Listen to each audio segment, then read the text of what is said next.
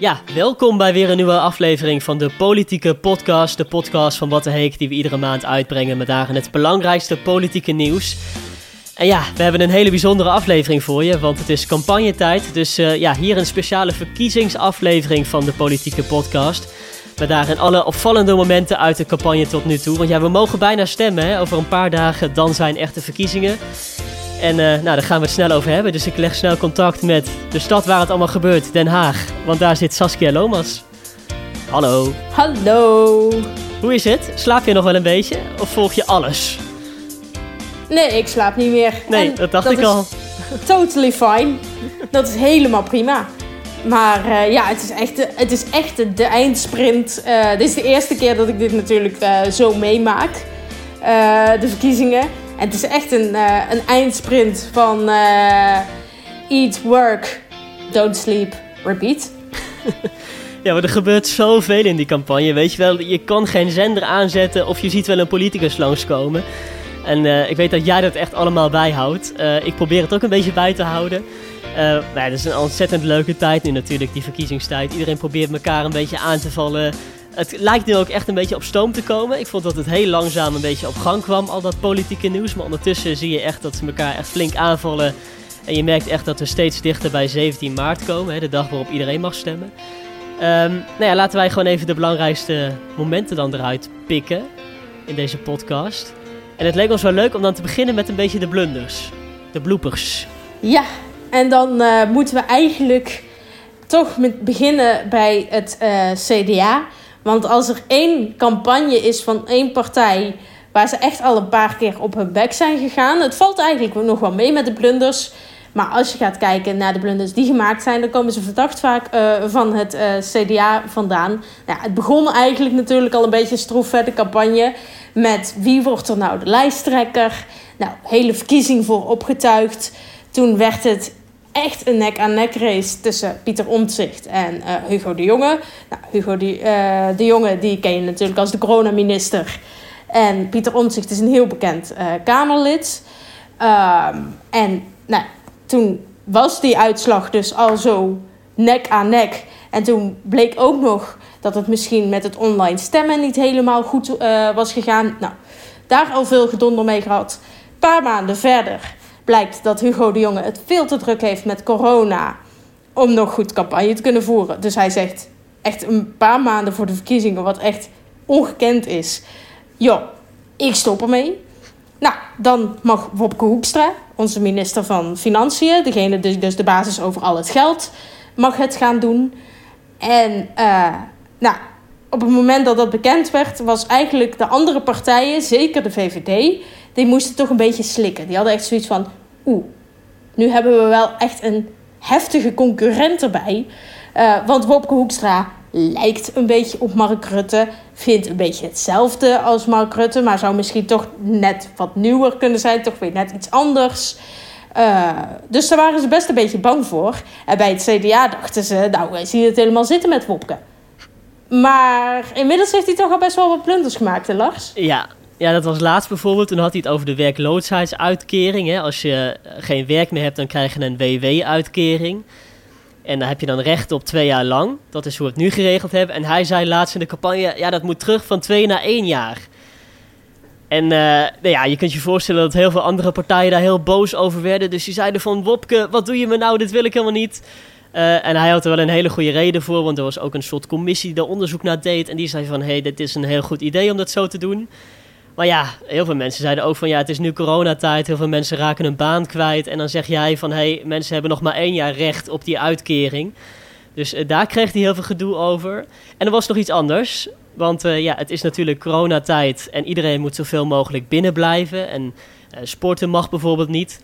En wat deed Wopke Hoekstra? Die dacht, ik ga schaatsen met Sven Kramer.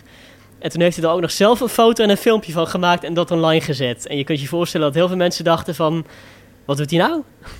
Ja, want inderdaad, nee, je mag natuurlijk wel uh, buiten uh, sporten. Zeker jongeren mogen dat al best een tijdje. En sinds de laatste persconferentie mogen zelfs mensen tot 27 jaar uh, intiem weer sporten. Um, maar binnen mag echt precies niks. Zwembaden zijn dicht. En de schaatsbanen dus ook. Dus inderdaad, dat Bobke Hoekstra daar wel gewoon even een rondje ging maken. Ja, daar hadden heel veel mensen op dat moment best gewild. Maar dat konden ze gewoon niet. Dus dan krijg je best wel scheve verhoudingen van hoezo mag jij dat dan toevallig wel omdat je een politicus bent.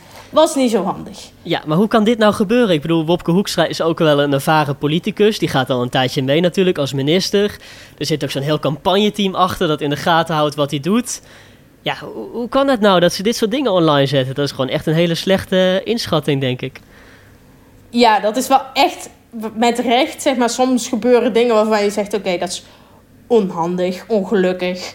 Uh, komt ze niet goed uit. Maar dit is echt een campagneblunder. Dit is echt wat je met recht een blunder mag noemen. Daar is het woord zo'n beetje uitgevonden. Want hoezo zet je dit zelf online? Je kunt echt inderdaad op je vingers natellen. Uh, ja, dat je hier gezeik mee gaat krijgen. En nou ja, juist daarom was het gezeik, denk ik. Kijk, als nou toevallig stiekem iemand een foto had gemaakt... waren er misschien minder mensen nog boos geworden dan nu. Omdat het nu zoiets was van ja, als je dit zelf plaatst, dan heb je zo niet in de gaten wat er speelt in de rest van Nederland. Dan sta je echt een beetje erboven. Dus dat hielp eigenlijk juist alleen maar mee dat mensen nog boos op werden. Ja, en dan was het nog opvallend dat ze toen een, uh, een week later met een campagnefilmpje kwamen waarbij Wopke ook aan het schaatsen was, maar dan buiten. En want je had natuurlijk die periode dat het heel koud was en toen hadden ze dat filmpje waarschijnlijk al opgenomen met hem. En hebben ze het toch nog geplaatst alsnog. Dus ja, het is een beetje wrijven in een vlek eigenlijk. Klopt, en dat filmpje blijft ook maar terugkomen. Want dat was gewoon het campagnespotje dat er al lag. Dat was voor het hele schaatsincident in Tialf was dat al opgenomen. Uh, dus dat is echt tot aan de verkiezingen wordt dat spotje uitgezonden. Nou hebben ze blijkbaar gedacht: oké, we gooien hem niet weg. We hebben hem al helemaal gemaakt. We hebben het al helemaal geboekt op televisie dat dit spotje wordt uitgezonden. Laat maar zitten. Ze hebben er alleen één framepje achter gemonteerd. Uh, met witte letters waar dan inderdaad staat. Maar nu wel buiten. Alsof uh, ze toch even wilden toevoegen van... Oké, we wrijven nu in een vlek. Onvermijdelijk. Maar laten we dan in godsnaam nog een beetje... In godsnaam, CDA, haha. Ehm, maar laten we dan in godsnaam nog... ja, precies, een christelijke partij. Nog even een beetje zelfspot toevoegen. Nou, we gaan zien hoe dat uitpakt uh, straks tijdens de verkiezingen. Uh, hij Sigrid Kaag, daar willen we het ook nog even over hebben. Dat is de lijsttrekker van D66. En daar zat eerst Rob Jetten lange tijd en toen werd het Kaag uiteindelijk. En die staat er toch wel een beetje onbekend dat ze een beetje ja, elitair is eigenlijk. Ja, als we dat is natuurlijk niet echt een campagneblunder. Uh, maar als we het gaan hebben over campagnes die stroef liepen, die wat moeilijk op gang kwamen, ja, dan kom je bij D66 uit. Uh, inmiddels is dat helemaal anders, komen we zo nog op. Maar de, het begin met Sigrid Kaag was echt alles behalve uh, soepel. Omdat inderdaad een beetje het verwijt was van ja, deze mevrouw heeft natuurlijk een fantastische carrière uh, gehad. heeft heel veel gedaan in het buitenland, hele belangrijke dingen. Maar ze, dat was ook wel een beetje het probleem. Want ze was zo lang in het buitenland geweest, weet ze nog wel. Wat er in Nederland speelt, werd dan gezegd als, als verwijt. En tegelijkertijd, ja, het was echt een beetje een rijke zakenvrouw. Hmm. Die echt wel ver boven de gemiddelde Nederlander uh, stond. Um, wat niet hielp, was dat ze in die periode een interview in NRC, in een grote krant, een grote landelijke krant, gaf waarin ze eigenlijk heel slecht uitkwam. Waarin ze eigenlijk alleen nog maar meer uh, onderstreepte van ik ben ook wel eens in de uh, Schilderswijk geweest. Maar dat was dan op een VN-missie. Alsof je als soort van ontwikkelingssamenwerking naar een wijk in Nederland moet. Ook voor D66 was het geen soepel begin van deze campagne, zeg maar. Ja, precies. En als je dan toch al hebt over de dingen die niet helemaal lekker liepen, dan kom je ook al heel snel uit bij uh, ja, het volgende blokje in onze podcast, de Game Changers. Dat is eigenlijk een beetje een term voor politieke junkies, voor mensen die heel veel de politiek volgen. En een game changer is een moment eh, ja, dat de campagne totaal verandert. Dus partijen die er eerst heel goed voor staan, die kunnen dan ineens instorten. En partijen waarvan je eigenlijk dacht, nou, daar wordt helemaal niks met de verkiezingen, die kunnen dan ineens uh, heel goed gaan. Uh, en de eerste gamechanger eigenlijk was het RTL-debat. Dus het uh, televisiedebat van uh, RTL. Omdat Sigrid Kaag, daar had dus iedereen al een beetje een voorgevoel bij van... Nou, die gaat niet heel lekker, daar gaat hem niet worden. En die deed het zo goed tijdens dat debat... dat daarna iedereen zoiets had van... Oh, oh maar, maar dit, dit verandert gewoon wel echt alles. En sindsdien gaat ze super lekker en gaat de D66-campagne ook echt als een trein. Ja, hey, uh, je had het over dat RTL-debat. Wat wel opvallend was, wat RTL bedacht had, is dat iedereen, uh, alle lijsttrekkers, in gesprek gingen met een kiezer. Dus met een gewone man of vrouw die mocht stemmen uiteindelijk. Dat uh, zorgde voor hele mooie, opvallende momenten, waarbij ook die lijsttrekkers het best wel moeilijk hadden. Mark Rutte bijvoorbeeld, de lijsttrekker van de VVD, die had het daar best wel zwaar mee. Want die kwam tegenover iemand te staan die slachtoffer was van die hele uh, toeslagenaffaire. Dat weet je nog wel, die affaire bij de Belastingdienst, waarbij heel veel mensen dan uh, in de financiële problemen terechtkwamen. Nou ja, Rutte was natuurlijk tien jaar lang de premier van Nederland, dus die is eigenlijk verantwoordelijk voor die hele affaire. Hij is eindverantwoordelijk. Dus ja, toen kreeg je het moment dat Rutte dus tegenover zo'n toeslagenaffaire slachtoffer kwam te staan. Waarom denkt u dat u wel kan blijven zitten als eindverantwoordelijk in de toeslagenaffaire? Ja. Wauw. Het is heel bijzonder dat, je, dat we hier zo staan. We hebben elkaar drie weken geleden gezien in het, uh, in het katshuis met een klein groepje lang gepraat. Wat jullie hebben meegemaakt is verschrikkelijk. Uh, uw verhaal, maar ook het verhaal van de anderen. Wauw. Ja. Zegt hij dan. Wauw. Wow. zij, zegt, zij zegt dat haar hele leven kapot is. Zijn reactie. Wauw. Ja, het is natuurlijk ook heel pittig, want wat zeg je dan op zo'n moment, weet je wel? Er staat iemand voor je die jarenlang de huur niet kon betalen, die niet met vakantie kon gaan.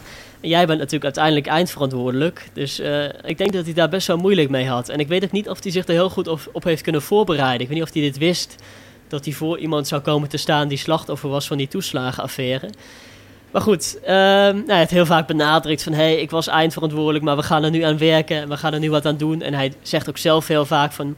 Uh, ja, er zijn fouten gemaakt, maar er gingen ook heel veel dingen goed. En daarom denkt hij dat hij nog een keer premier kan worden. Maar ja, als je het over game changers hebt, zoals jij dat net zei, uh, hele belangrijke momenten in de campagne, dan denk ik dat dit er ook wel een van is. Dit is zo'n moment waar we echt nog heel vaak uh, over gaan praten. Zeker. Tegelijkertijd is Rutte ook wel overeind gebleven. Kijk, een game changer zou het ook zijn als dat echt een moment is dat Rutte dusdanig op zijn bek gaat dat de VVD gewoon wat nu wel lijkt te gaan gebeuren, niet meer de grootste wordt bij de verkiezingen. Dat is niet gebeurd. Nee. Ze zijn niet gezakt of gedaald in de uh, peilingen. Uh, dus het heeft hem ook niet echt pijn gedaan dat je denkt van wow, dit beïnvloedt echt de uitslag van de verkiezingen. Maar inderdaad, het was wel het enige moment tot nu toe in de campagne dat hij het echt heel moeilijk had. Um, ja, ook wel een gamechanger is uh, Volt, een totaal nieuwe partij die uh, ja, echt heel goed gaat. Ja. Ze zijn er ineens. Ze staan er zo goed voor dat nu de mensen die dus die peilingen maken... denken dat ze misschien wel met drie zetels uh, de uh, dingen inkomen. De, de Kamer. De, de kamer. Ja. Ja, ja, dus, uh, want, weet je, en die komen echt uit het niets. Ja, en dan ineens meteen drie zetels. Dat is echt heel knap natuurlijk. Het is een partij die heel erg uh, streeft naar meer Europese samenwerking. Dus Europese landen die moeten meer samenwerken om dingen voor elkaar te krijgen. Want Volt zegt, we staan voor hele grote uitdagingen, klimaatverandering en allerlei dat soort dingen. En die kun je volgens Volt dus het beste oplossen door met landen samen in de Europese Unie uh, te praten. En dat slaat blijkbaar wel aan. Vooral onder jongeren merk je dat heel veel mensen echt op Volt gaan stemmen. Dus ja, ik denk dat we straks gewoon een hele nieuwe partij in de Tweede Kamer hebben. Het is een partij die nu trouwens ook al in de Europese politiek zit. Ze hebben één zetel, geloof ik, in het uh, Europese parlement. En ze doen in allerlei uh, Europese landen mee aan de verkiezingen. Ja, ja, nu dus ook in Nederland. Dus ik ben heel benieuwd. Ik denk dat ze inderdaad, wat jij zegt, wel eens twee uh, of drie zetels kunnen gaan halen. Ze zitten inderdaad ook in andere Europese landen. Want het is dus met een moeilijk woord een pan-Europese partij. Wat betekent dat ze in alle landen van de Europese Unie actief zijn. Alleen in Nederland hebben ze gewoon nog nooit echt meegedaan. Uh, maar in andere landen, bijvoorbeeld in Duitsland, zitten ze wel gewoon al in de politiek. Dus gewoon echt in de Duitse politiek. Dus ja. heel bijzonder hoe dat, uh, hoe dat gaat lopen. Omdat het ook gewoon zo'n hele nieuwe manier van politiek is. Dat je niet alleen in Nederland dingen afspreekt, maar ook met bijvoorbeeld je Duitse broertje even moet overleggen of met je Europese broertje. Ja, nee, dat is echt uniek inderdaad. Dit heb je nog nooit gezien in Nederland, dus een soort, of überhaupt in Europa. Dus uh, we gaan zien hoe dat uitpakt. Ondertussen speelt die coronapandemie natuurlijk nog ontzettend. We zitten nog steeds midden in een grote crisis in Nederland. Uh, want het vaccineren dat moet nog meer op gang komen. En uh, ja, er zijn nog steeds heel veel coronamaatregelen natuurlijk. En je merkt ook dat dat echt uh, die campagne beheerst. Dus het gaat minder over, Europese onderwerpen eigenlijk. En heel veel ook over dat coronavirus. Um, en ja, iemand die daar echt van lijkt te profiteren is toch wel Mark Rutte, de premier natuurlijk. Die zagen we ook laatst nog in een grote persconferentie op maandagavond, waarin hij weer het land toesprak. En uh, ja, Rutte gaat nog steeds sky high in de peilingen. Dus uh, ja, dat lijkt ook wel door corona te komen. Zeker in crisistijden uh, steunen mensen toch vaak de leider. En dat zie je nu ook wel een beetje in Nederland.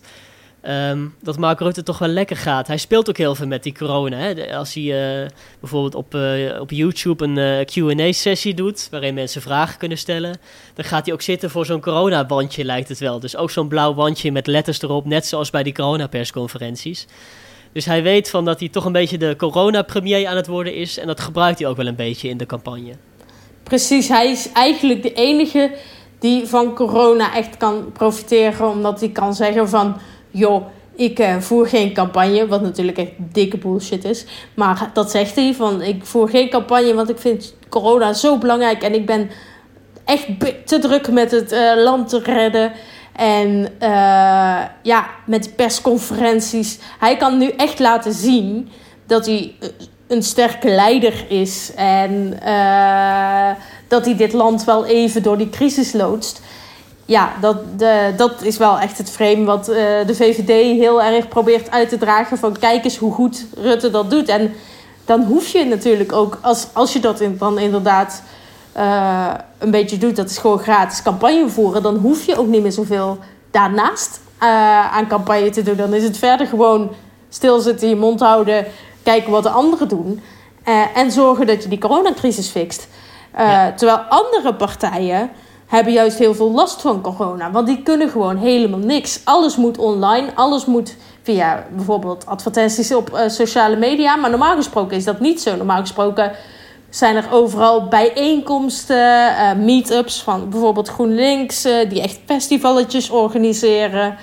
Uh, ja, dat kan al. Mensen gaan langs de deuren voor gesprekjes met kiezers om mensen te overtuigen om ja, op hun partij dan te stemmen. Dat kan nou allemaal niet. Dus waar de VVD denkt, oké, een beetje achteroverleunen en zolang Mark Rutte het een beetje goed doet met corona, tenminste zolang Nederland vindt dat Mark Rutte het goed doet met corona dan komt het allemaal wel goed. Uh, en de andere partijen, ja, die hebben het veel en veel lastiger. Ja, dus je ziet dat uh, over klimaatverandering, dat zijn echt onderwerpen waar het net iets minder over gaat. En daar heeft GroenLinks dan weer een groot nadeel van bijvoorbeeld, want dat is een partij die heel erg draait om klimaatverandering bijvoorbeeld. Um, dus ja, voor hun is het juist heel erg stoeien. De Partij van de Arbeid die gaat altijd rozen uitdelen in de grote steden bijvoorbeeld, dat kan nu niet. Dus uh, het is ook heel moeilijk om kiezers te bereiken. Dat kan echt alleen online door uh, campagne te voeren via Facebook, Twitter, YouTube. En dat is toch wel heel moeilijk om uh, ook vooral oudere mensen te bereiken die daar helemaal niet zoveel zitten, bijvoorbeeld. Dus ja, ze hebben het wel moeilijk nu. Het zijn hele andere verkiezingen dan anders door corona. oh ja, wat wil ik zeggen? Ja, ik wilde nog even naar Wilders trouwens. Naar onze Wilders. Wat is er te vertellen over Obegeert? Nou ja, het valt mij op dat we hem zo weinig zien eigenlijk. Want hij staat nu wel uh, op de tweede plek in de, in de peilingen. Dus uh, hij lijkt wel weer de tweede partij van Nederland te worden straks. Uh, maar we zien hem eigenlijk heel weinig. En hij zegt, hij zegt ook heel veel interviews af waar hij naartoe gaat. Hè. Nieuwsuur bijvoorbeeld. Groot programma op NPO 2 waar ze hem wilden interviewen. Daar gaat hij dan niet naartoe bijvoorbeeld. Um, en ik weet niet, is dat, kan dat in zijn voordeel werken of, of juist in zijn nadeel? Nou, dat is wel zeg maar een tactiek die hij altijd gebruikt. Er is nog geen één campagne geweest waarvan hij alle debatten of alle dingetjes meedeed. Sterker nog, hij, heeft in het begin van deze campagne nog bijvoorbeeld wel het radiodebat gedaan. Ja, dat was echt uniek van wow, hoezo is Wilders hier ineens bij? Wilders is echt heel goed in pick and choose. Dus kijken, wat komt mij goed uit? Waar krijg ik weinig kritische vragen? Oké, dan ga ik daar naartoe en de rest skip ik gewoon. En blijf ik onder de radar en inderdaad vooral ook op sociale media. Uh, en bepaal ik zelf wat er in het nieuws komt en niet de media uh, zelf. Dus dat is wel echt zijn oude strategie. Tegelijkertijd merk ik wel een verandering ten opzichte van andere verkiezingsjaren, andere verkiezingscampagnes. Dat hij zichzelf weer wat meer serieus is gaan nemen. Als je in 2017 zag, deed hij inderdaad ook nergens mee. Bijna geen enkel debat. Alleen uh, het laatste debat, uh, de dag voor de verkiezingen, deed hij mee. Maar verder alles afgezegd. Hij had een verkiezingsprogramma van 1 A4'tje waar hij niet op had gezet. Wat alles kostte. Alleen gewoon, ja, letterlijk uh, lettertype 30, 40. minder islam, einde. Dat was zijn hele verkiezingsprogramma. Um, en hij zei van tevoren al, nou, er zijn eigenlijk geen partijen waar ik mee zou willen samenwerken, want ik vind ze toch allemaal stom.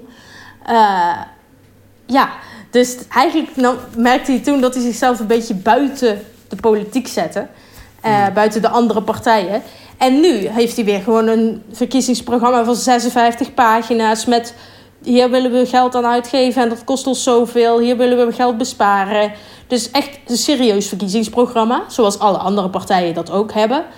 Um, en hij deed toch in het begin van de campagne in ieder geval toch meer interviews. Meer plekken waar hij was.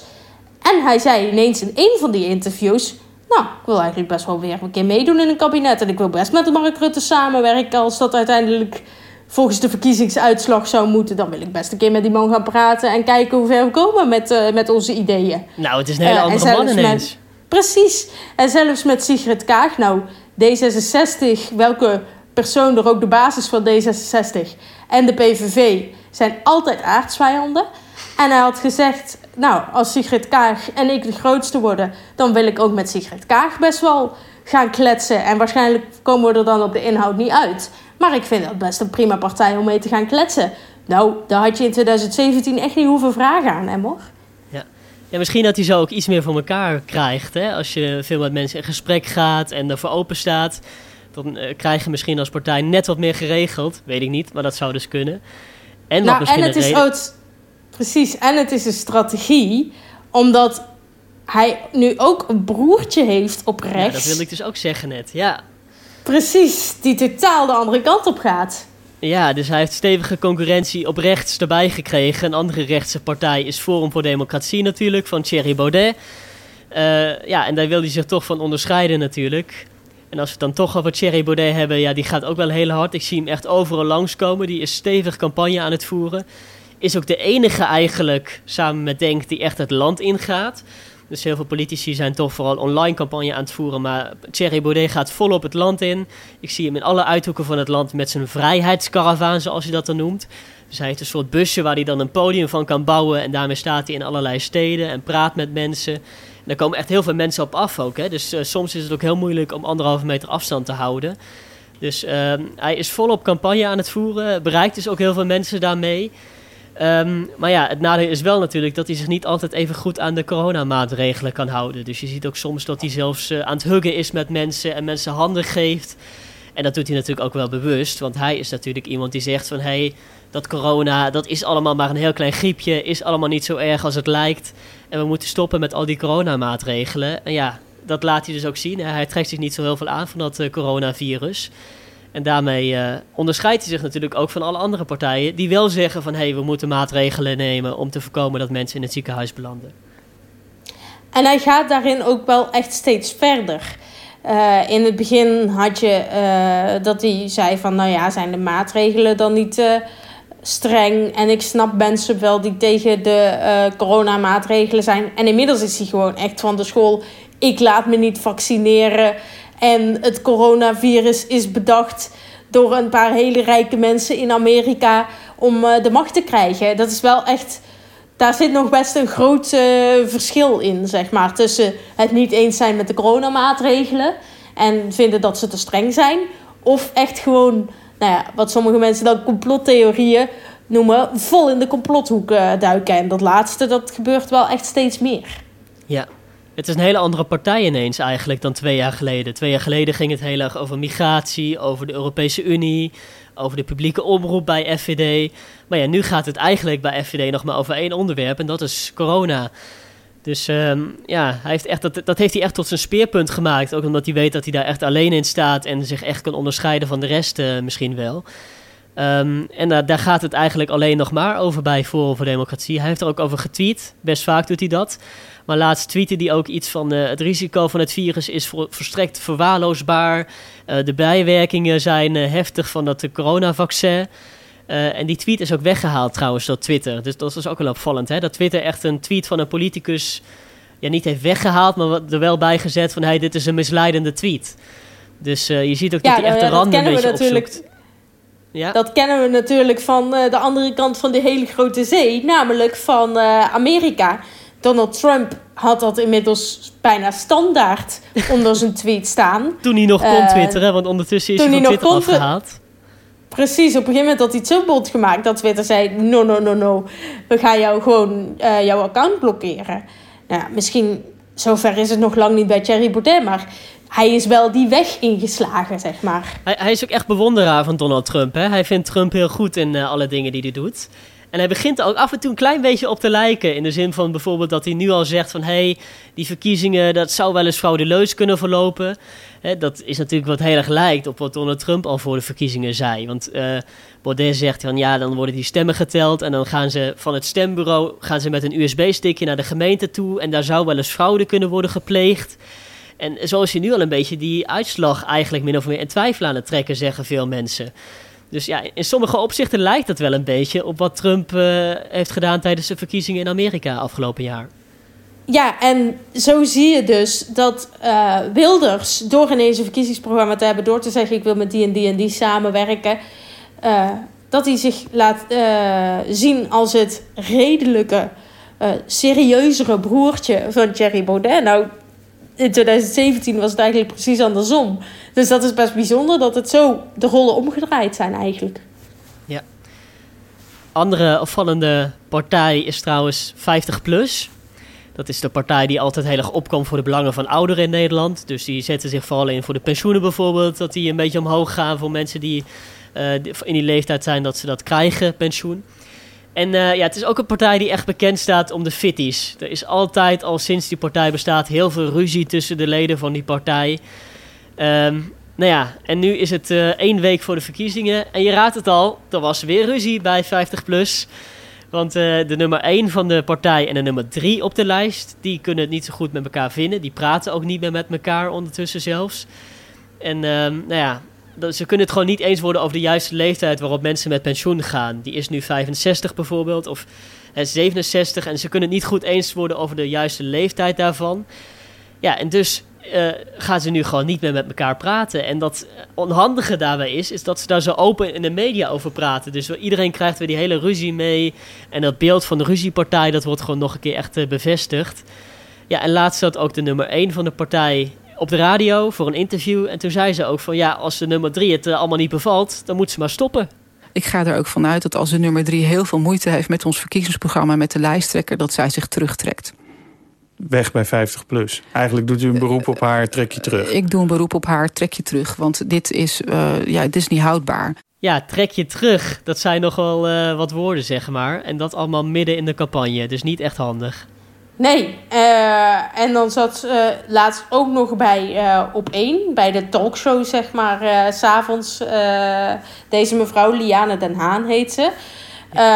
en daar zat ze tegenover Henk Krol. En Henk Krol was natuurlijk heel lang de baas van 50 plus, heeft die partij ook opgericht, mede. maar heeft vorig jaar door de enorm veel ruzies die er waren, gezegd joh, ik kap ermee. Ik ben er helemaal klaar mee. Ik stop. Heeft toen via een aantal omwegen een eigen partij uh, begonnen. Uh, Lijsthek Krol, super originele naam. Uh, en ja, die zat dus tegenover Liane Den Haan. Je raadt het nooit, Lars. Wat denk je dat er gebeurde bij op één? nee, ik denk niet dat ze het heel goed met elkaar konden vinden in elk geval. Ze vochten elkaar de tent uit. Oh. Weer is hij. Weer, ja, wat onhandig. Ja, en die Henk Krol die heeft sowieso een probleem. Want die lijkt maar niet van dat 50-plus imago af te komen. Want iedereen, dat vertelt hij ook wel eens, iedereen die Henk Krol tegenkomt zegt van... Ja, ik ga op je stemmen straks, hè, op 50-plus. En dan baalt hij natuurlijk een beetje, want hij is daar natuurlijk niet meer. Maar hij zat er zo lang bij, dus iedereen denkt meteen... oh, Henk Krol 50 plus. Dat zeg je gewoon in één adem ondertussen, dus daar baalt hij wel een beetje van. Uh, ja, ik ben benieuwd of hij in de Tweede Kamer blijft. Of hij een zetel gaat halen met zijn nieuwe partij. Dus uh, dat gaan we zien. Het ziet er niet zo best uit voor hem op dit moment. Ik denk dat we afscheid moeten nemen van de dansmoves van Henk Krol. Ach, ja, ja dat kon hij wel goed. Hè? Als je dan iets won uh, bij de verkiezingen, dan kon hij heel leuk dansen. Er zijn uh, leuke filmpjes van op uh, YouTube ook. Hey, als we toch al aan het praten zijn over wie straks de Kamer in komt... kunnen we misschien ook een voorspellingje wagen. Want um, om met een makkelijke te, te, beginnen... Ja, Mark Rutte die gaat keihard winnen natuurlijk. Dat wordt de grote winnaar. En de VVD is weer de grootste partij van Nederland straks. Ik denk dat we die allebei wel aandurven. Die voorspelling. Ja, of er moet echt iets heel geks gebeuren. Maar inderdaad, Mark Rutte gaat hem gewoon glansrijk winnen. Ja, dus we krijgen straks een kabinet Rutte 4 waarschijnlijk. Waarin Rutte weer mag kiezen met wie hij gaat samenwerken. Um, en ik denk dat er ook heel veel nieuwe partijen, of tenminste heel veel, ik denk dat er ook een paar nieuwe partijen bij gaan komen in de Tweede Kamer. Uh, ja, niet de lijst Henk Krol, denk ik. Maar wel Volt, waar we het net al over hadden, die pro-Europese partij. Um, die staat nu op iets van twee of drie zetels in de peilingen. Dus die gaan het denk ik toch wel redden met minimaal één zetel. En dan heb je ook nog bijvoorbeeld bij één. Wat denk jij, gaat die het halen? Partij van uh, Sylvana Simons. Spannend. In 2017 deden ze voor de eerste keer mee. Toen haalden ze het net niet. En nu is het weer niet heel overtuigend uh, ja. dat ze het gaan redden. Dus nu is het weer een situatie net wel, net niet. Dus het dubbeltje kan de ene kant op slaan, het muntje. Uh, en dan uh, zitten ze er net in. Of net, hetzelfde als 2017, net niet. Ja, dan heb je nog Ja 21. Dat is een partij van die mensen die zich afgesplitst hebben van Forum voor Democratie. Want daar was natuurlijk die ruzie toen de tijd. Uh, die gaan het wel redden, denk ik ook. Die gaan echt wel twee zetels uh, halen, denk ik. Dan, dus ja. heb je weer een nieuwe partij erbij op rechts, hè, eigenlijk. Code, Code Oranje, Oranje heb je nog. nog. Redden die het? Ik denk het uiteindelijk niet. Maar in sommige peilingen staan ook die op een zetel. Dus het kan. Het kan. Okay. Het zou niet heel gek zijn als het ze lukt. Ja, het is een partij van uh, Richard den Bos. Iemand die ook wel eens eerder in de Tweede Kamer zat met de PVV. Dus ook een rechtse partij eigenlijk een beetje. Dus uh, nou, wie weet. Nog een voorspelling? Um... D66 gaat het dankzij de enorme opleving van Kaag, denk ik, echt wel ook goed doen. Uh, CDA, die campagne is juist een beetje aan het instorten, denk ik. Of ze moeten heel ver gaan profiteren van Pieter Omtzigt, nummer twee. Maar met Wopke Hoekstra gaan ze het niet per se heel goed doen, denk ik. Tenminste, wel gewoon prima, prima middenmoot, maar niet zoals ze misschien zelf gehoopt hadden. Uh, de Partij van de Arbeid is wel een interessante. Want dat is een partij die echt flink heeft moeten inleveren tijdens de laatste verkiezingen. Um, gaan die er weer wat zeteltjes bij winnen, denk je? Met uh, Ploemen aan het hoofd als lijsttrekker? Nou, ze gaan het is een beetje een onvoorspelbare partij. Ik durf niet zo goed te zeggen wat ze gaan doen. Maar ze gaan niet verliezen. Want ze zijn in 2017 zo enorm diep gegaan. En hebben toen zoveel verloren. Heel veel minder kan niet. Dus ze gaan sowieso wel iets winnen. Ja. maar uh, of het echt super overtuigende winst, het kan. Het kan best wel dat die wel weer van 9 naar 20 gaan kruipen, bijvoorbeeld. Maar het kan ook, ik denk dat ze zo rond de 15 uitkomen. Ja. Wat dan op zich best wel een prima winst is als je het gaat vergelijken met 2017. Ja, ik weet niet meer hoeveel ze hebben ingeleverd, maar dat was echt heel veel. Dat was bijna een beetje zielig. ze gingen van 40 naar 9. Wauw, ja. Hey, um, nou, we hebben de belangrijkste onderwerpen denk ik wel uh, besproken van de campagne tot nu toe. Ja, wij zouden hier nog uren over door kunnen praten, Saskia en ik, denk ik. Maar uh, we houden het een beetje kort, dat je het wel nog allemaal uh, kunt luisteren in een uurtje tijd. Um, ja, we blikken altijd een beetje vooruit op de komende maand. Maar ja, dat is nu heel voorspelbaar. We krijgen een verkiezingsuitslag en dan begint de formatie. Dus dan gaan ze echt praten over welke partijen in de coalitie komen en echt in de regering komen. En welke partijen daar niet in komen en in de oppositie komen te zitten dus. Um, dus eigenlijk wie de komende hopelijk vier jaar, als het kabinet dan gewoon blijft zitten en niet onderling ruzie gaat maken, wie de komende vier jaar de baas wordt.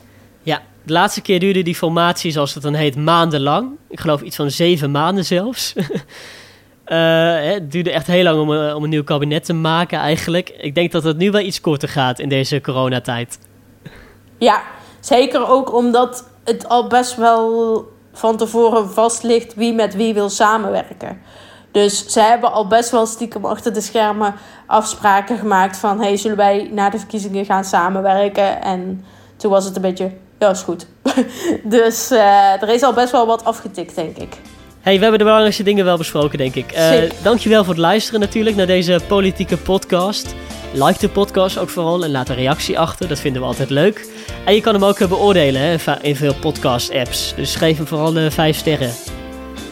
Of ja, doe maar zelf wat je zelf leuk vindt. Maar beoordeel hem vooral en laat het weten aan je vrienden. En dan zijn wij er komende maand weer. Yes, en dan eh, ga stemmen. Ook nog een eh, advies eh, om, Ja. om aan je te geven. Je kan drie dagen dankzij de coronacrisis, de 15e, de 16e en de 17e. Dus zeggen dat het niet goed uitkwam of dat je geen tijd had, zoals ik, is echt geen smoes. Want ik ben er heel blij mee dat ik drie dagen de kans heb dat ik het een beetje kan plannen. Dus ga stemmen. En ik ben heel benieuwd naar de uitslag. De volgende podcast kunnen we het gaan hebben over wat er bij de verkiezingen gebeurd is. Ja, leuk. Oké, nou, hey, tot volgende maand. Tot volgende maand. We zijn klaar. Dank u wel.